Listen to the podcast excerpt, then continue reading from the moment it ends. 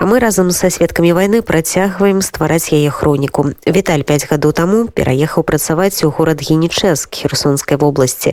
Менавіта там яго і заспела вайна. Некалькі дзён таму яму ўдалося эвакуіравацца з горадам. Нашаму карэспандэнту Андрусю гаёваму Віталь расказаў пра сітуацыю, якая зараз адбываецца ў акупаваным расіянамі горадзе на поўдні ўкраіны, пра ад'езд і пра тое, ці прымуць калі-небудзь жыхары генішэску расійскую ўладу. 24 числа я на тот момент, кстати, ночевал в Стрелковом. Арбатская стрелка, там есть село Стрелковое, оно считается самым большим в Украине, длинным, протяженным. На тот момент я там ночевал, и в 4 утра буквально были слышны взрывы. Буквально вот я даже считал, там каждые три секунды были не выстрелы, а именно взрывы, прям бом-бом-бом. Это получается, э, от меня это было с левой стороны, и это была сторона Чанга. Вся русская армия заходила, ну, по крайней мере, с той стороны точно. Э, через Стрелковое не было машин, были машины только военные, которые там две-три машины наши, то есть украинские, проехали, они, я так понимаю, как раз ехали в этот мост, который там получается на Генический, есть парочка мостов, которые э, украинская сторона взорвала часть, естественно, чтобы люди могли, если что, эвакуироваться. Вот, а большая техника, тяжелая техника не могла проехать, так как она могла в руку. Но были моменты там и плохие, потому что, я имею в виду с мостами, потому что люди не знали, то, что он рухнутый, и машина одна все-таки туда упала, и одна была с людьми прямо там в воде. Очень быстро, на самом деле, все вот это вот произошло. Буквально к 12 часам звуков о взрывах уже все полностью пропало, то есть они уже были достаточно далеко. Уже на Алексеевку там брали, э, и остальные там главную дорогу до Мелитополя, получается. Они Мелитополь брали там несколько дней, не сразу это было прям. Они на Мелитополе все-таки у них было противостояние какое-то. В моем городе э, уже боевых действий не было, но были страшнее вещи в плане того, что действия насильственные были в отношении к мирному населению, которое было э, в Геническе и в близлежащих селах. В частности, партизаны. На данный момент сейчас партизанов русская армия, армия, может не армия, потому что в, чер, в черной одежде, но русские начали заходить в дома к людям и искать пораненных солдат. Может быть, кто-то прячет, да, украинских. Там немножко, кстати, и смешная ситуация в этом плане, потому что дело в том, что они, когда взяли э, Геническ, они свой, свою тряпочку повесили на здании администрации города, ну, российского флага. Но очень смешно, что рядышком тряпочка была Советского Союза еще. То есть они повесили два флага Советского Союза и Российской Федерации. А, вот. Потом э, через какое-то время начали привозить, ну, город небольшой, он очень маленький, там практически все друг друга знают. Как село такое небольшое, просто с морем. И э, было смешно то, что они привозили автобусами э, людей, каких-то, ну, вообще посторонних, и они давали интервью Э, конкретно я не знаю, что они там говорили, но, естественно, э, фальсифицировали какие-то новости о том, что вот им гуманитарку там какой-то раздают, но по факту там гуманитарки первое время никому ничего не раздавали. И, э, ну, возили каких-то просто посторонних людей, у кого не спрашиваешь, кто это такие, может, кто-то знает. Но это совсем люди какие-то были, ну, посторонние. Потом начали раздавать по 10 тысяч рублей пенсионерам э, деньги начали раздавать в городе. Ну, естественно, э, взрослое население, ну, ловит, ловит все-таки момент, берет эти деньги и, естественно, идет там их в обменник менять на гривны. Вот, вот такая вот ситуация. Вот э, месяц прошел, вот э, у них начались какие-то сдвиги в плане действий на население. Последние буквально там 5-6 дней происходят ну, достаточно плохие моменты с населением Генического и э, Генического района. У меня есть, естественно, друзья, есть э, можно сказать, люди, которые мне очень близки, как родные. И неделю назад троих э, остановили на одном из постов. По городу, кстати, очень много постов. Они там останавливают и проверяют документы. Генически и в этом э, э, Херсонской области вообще, в принципе, очень много крымских татар, которые в том числе участвовали в деблокаде Крыма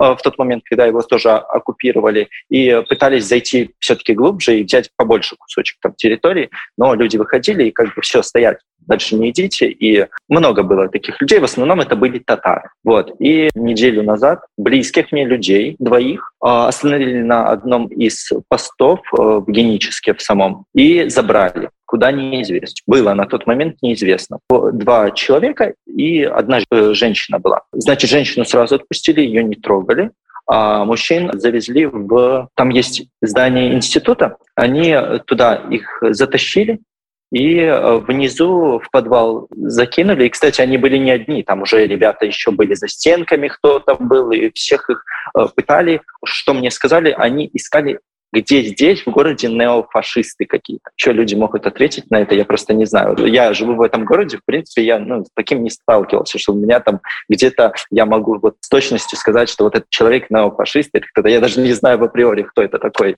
если честно. Но они вот, вот пытаются вот это выяснить. Неофашисты, ну, никто не скажет, кто они такие, потому что никто не знает, но они по-другому, видимо, пытаются выяснить хотя бы что-то, чтобы поймать, э, кто участвовал в деблокаде Крыма, кто э, активист в городе, кто глава в городе, у кого много денег, у кого там что-то, ну, хоть что-то нарыть, чтобы, видимо, ловить дальше, искать для чего, не знаю просто, каких-то людей и дальше пытать, я так понимаю. Ну, ребят, слава богу, все-таки отпустили. Потом через три дня взяли опять человека тоже в тот же подвал закинули и э, тоже начали все расспрашивать. Э, и вот позавчера э, женщину все-таки взяли одну. Тоже держали достаточно много часов. Мы знаем, где она находится, точнее знали, где она находится, естественно, в этом институте, в подвале. Там кое-кто пошел к этому институту просить, что типа, где находится женщина, вот то-то, то-то. Они говорят, здесь нет никакой женщины. Ну, естественно, паника, куда могли увезти женщину, ее там нет. Что, что это такое? И мы даже не знаем, через сколько там ее освободят, что, что с ней там делают, бьют, не бьют, вот такое. Но женщину тоже отпустили. Но они пытаются искать активистов и Тех, кого, по крайней мере, я знаю из моего окружения, всех отпустили. Вот. Но то, что люди пропадают по городу, это точно. И э, даже слышал о том, что примерно в день 50 человек засовывают в подвал и допрашивают. А есть там зараз уже какая-то их российская влада, альбо ну, с мясцовых каких-то коллаборантов, какие-то органы влады? Я вот что точно знаю, что в начале э, владу они не поменяли, они дали э, тем, кто есть, продолжать работать том же режиме, в котором работают. Ну, буквально через два дня э, они сложили все свои полномочия и ушли самостоятельно. Вот. Кто сейчас керует, я не знаю. Як ты решился на то, чтобы выехать оттуда, и як это отрымалось? Три дня назад я э, выехал, но до этого я еще раньше планировал.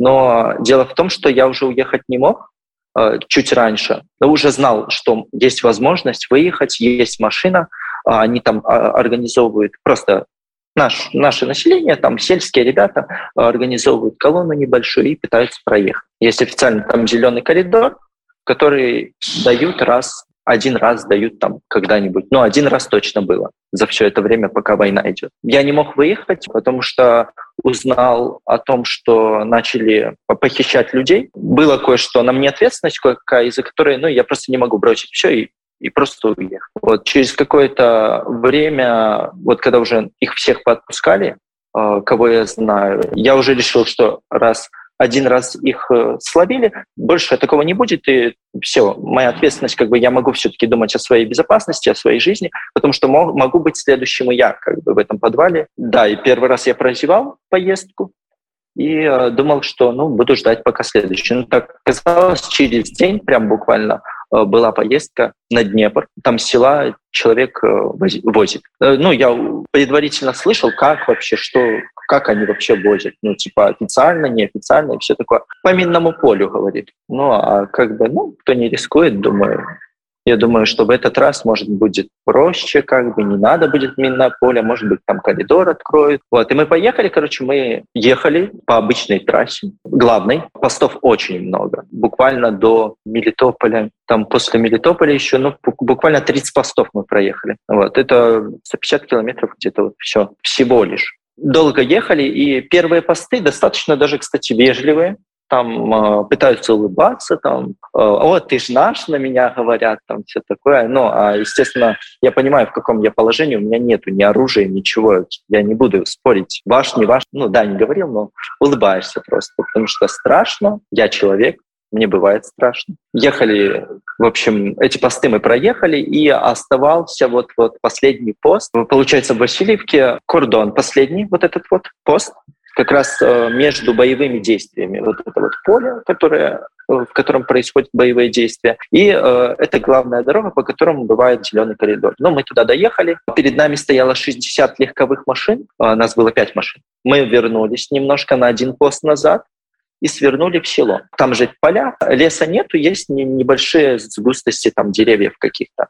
Э, не доезжая до села, которое вот на повороте, мы свернули сразу в поле. Там были э, кое-какие знаки о том, что заминировано это поле, но мы поехали. Э, в общем, ехали э, по этому полю. Первая дорога, по которой мы вот это вот ехали, ну, песчаная обычная дорога, в поле дорога. Но проехали где-то полтора километра, нас остановили. Русский тот же пост, который мы пытаемся объехать, там еще, оказывается, на каждой дороге где-то, где-то везде стоят посты. В итоге нас остановили, ну, все пугаемся каждый раз, потому что вот это уже неофициальное получается посты. Там просто ребята, которые там дежурят для того, чтобы никто не выехал, может быть, никто не въехал. Вот, нас остановили, и первый пост, который нас остановил, вот этот вот полевой, так скажем, а, начал агрессировать. Вы что, куда вы пытаетесь ехать? А, вы что, против нас хотите идти? Против нас воевать хотите? Это было ну, достаточно страшно, потому что у ребят заряжено оружие, оно направлено на нас просто. А, выходим все из машины, у нас отбирают телефоны, а, проверяют, что в этих телефонах есть. Да, заранее нас предупредили о том, что удаляем, ребята, все, что у вас есть. Связанное, не связанное, вот просто все удаляйте на всякий случай потому что могут и на месте порешать. В итоге э, первый пост вот, ну, агрессивно достаточно было. Нас сказали, возвращайтесь обратно, никто вас пускать не собирается. В итоге мы поехали обратно. Но водители, видимо, бывалые. Поехали, там просека была небольшая, небольшие сгустости деревьев были, и мы как-то проехали. Но не тут-то было опять пост, еще один. Они там выбежали из какого-то дна просто рядом э, с обрывом между дорогами. Всегда есть обрывчик небольшой, они там окопанные, танк стоит. Вот. Выбежали, опять нас остановили, эти нас вернули. Потом мы поехали в село какое-то, разбомбленное практически село было. Но я вам скажу, что они как будто там, они выбежали, кстати, когда увидели колонну, все-таки пять машин каких-то едут в селе, село маленькое достаточно, там люди повыходили на улицы, к нам подошли, говорят, что что вы тут ездите? Им, ну, мы сказали, пытаемся выбраться. Они говорят, туда не едьте, там все заминировано, говорят. Но мы остановились, не знаем, что делать, короче. Мы потом вернулись, потому что нам сказали местные о том, что там заминировано, мы немножко вернулись назад, и оказывается, нас один пост пропусти... не пропустил, а прозевал. Они там повыбегали, у кого-то там рот был грязный, что-то жрал или что. Русские, русские. Все это э, на русской стороне, вот это вот оккупированной территории. Вот, они нас начали тоже проверять, и один э, был э, не русской внешности, он как раз мою машину проверял, в которой я находился, и спрашивает, куда едешь. Я говорю, пытаюсь в Запорожье выехать, а в Запорожье сесть на поезд и якобы в Беларусь поехать. Вот. Дай бог, типа, доеду, я говорю. Он, да, Всевышний только знает, доедешь ты или нет. Ну, с таким подстебом, может быть, и не доедешь. Потом еще отметил то, что с вами так разговаривать, как я не буду говорить на других постах. Неприятный достаточно тип был. Мы какой-то мост начали проезжать. Там были ребята, они тоже выбежали, остановили нас и давай тоже проверять телефоны. Там на ребенка напали, э, потому что у него в телефоне было видео с техникой военной. Ну, там было, я так понял, прикол какой-то, потому что я у него спрашивал, что там за техника была, а он говорит, там какой-то прикол был. Ну, украинцы часто прикалываются над чем-то, там украли цыгане э, БТР или что-нибудь такое. Вот. И он на него напал и говорит, доставай свой ноутбук, если там то же самое, на месте сломаю, говорит. Ну, ребенка напугал просто. Я в этот момент разговаривал с еще одним русским, оккупантом. Он там приметил мои часы, начал меня обыскивать. Часы у меня попросил отдать. Ну, я думаю, ну, отдам, как бы я не обеднею, а может, живым останусь хотя бы. Вот, я часы ему отдал, он начал меня дальше проверять, там карманы все мне вывернул, у меня там были деньги. Он а, говорит, деньги отдашь? Пущу. Он только мне говорит, ну, только, типа, если отдашь, чтобы никто не видел. Ну, якобы, чтобы даже его там сослужить, чтобы не видели. Ну, я думаю, я не беднее. Я ему через планшет свой отдал деньги. Он говорит, сейчас будет через 15 минут бомбежка, вы уезжаете обратно, через час вернетесь. Мы выехали в ближайшее село, буквально оно находилось в метрах 500 от них прям. И мы, короче, попали под бомбежку сами. Тут не было выстрелов, были именно бомбы в это село. Разрушенное тоже здание везде вокруг были, все летало там ну, достаточно страшно. 15 минут буквально это было, но мне хватило, чтобы реально испугаться этих 15 минут. Все, это закончилось, мы увидели, что начал БТР уезжать какой-то танк, и мы, мы поехали туда, вернулись. Мы надеялись очень, что нас не обманут и все-таки э, это пропустят. И мы подъехали, он, включаешь фары и аварийки, и едете, говорит. Ну, мы так и сделали, мы поехали. И на той стороне, ой, там реально вот это поле все выжжено, которое мы проезжали вот от них. Оно выжжено, просто черное поле, куча техники разломанной просто в хлам. Э, вышки, э, которые там, а, я не знаю, антенны, держат, антенны, наверное, связь держат, вот эти вот вышки, они просто ржавые как будто. Мы, мы проехали, и все, мы увидели желтенькую ленточку на, на руке э, у военного. Мы поняли, что мы уже добрались до украинской стороны. Тоже был немножко страх о том, что вдруг они подумают, что, может, какие-то диверсанты едут, колонна еще так. Достаточно интересно, у нас были белые ленточки на зеркалах заднего вида. Но в нас не стреляли, мы остановились. Остановились в разрушенном селе около этого человека, который э, держал пост. Украинский первый, получается, пост. Ну, мы остановились, там водителя вышли для того, чтобы ну, разведать какую-то обстановку, что они нам скажут. Солдат нам украинский сказал, что у нас сейчас идет обмен э, пленными, давайте я у вас сейчас документы у всех проверю, и вы немножко подождете. Ну, окей, он у нас проверил документы, мы спросили там примерно сколько, он говорит, вот-вот сейчас 80 человек, они там должны были меняться в этот момент, и э, вы сразу проедете. Но сейчас не можем пустить, ну, наверное, процедура определенная есть.